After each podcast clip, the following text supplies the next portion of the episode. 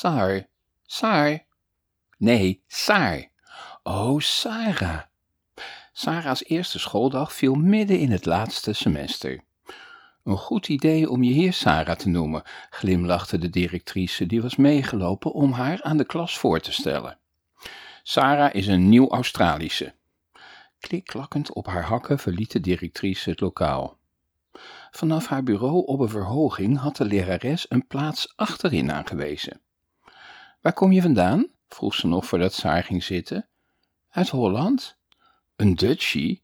Meisjes met witte strikken in hun vlechten draaiden zich om en staarden haar aan alsof ze van een andere planeet kwam. In de pauze stond ze alleen.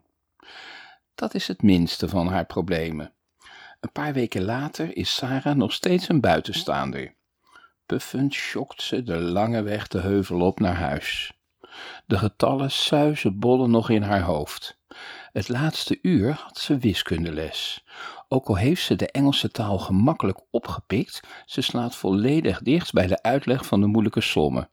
Ze heeft sowieso al geen wiskundeknobbel. Van de lerares moest ze naar voren komen om een som op het bord uit te rekenen. Het klamme zweet stond in haar handen. De ene na de andere stomme fout. Het kinderachtige gegrinnik achter haar rug. Met opgeheven hoofd was Sarah naar haar schoolbank teruggelopen. Het is vandaag al zo warm. Wat moet dat van de zomer worden? Als eerste vliegt Sarah's jasje uit. Daarna blijft ze nog even staan om zichzelf koelte toe te wuiven. Zo is dat stomme hoedje nog ergens goed voor. Het hoort bij haar schooluniform. Volgens mama is zo'n uniform best handig. Dan hoef je niet meer elke dag te verzinnen wat je moet aantrekken, had ze vrolijk gezegd. Met een hand boven haar ogen tuurt Saar over de weg omhoog. Haar achtjarige geboortje is in geen velden of wegen meer te bekennen. Simon had natuurlijk al een vriendje vanaf de allereerste dag op school. Jack bleek ook nog eens de buurjongen te zijn van de schapenfarm, vlakbij hun huis. Daar is Simon niet meer weg te slaan.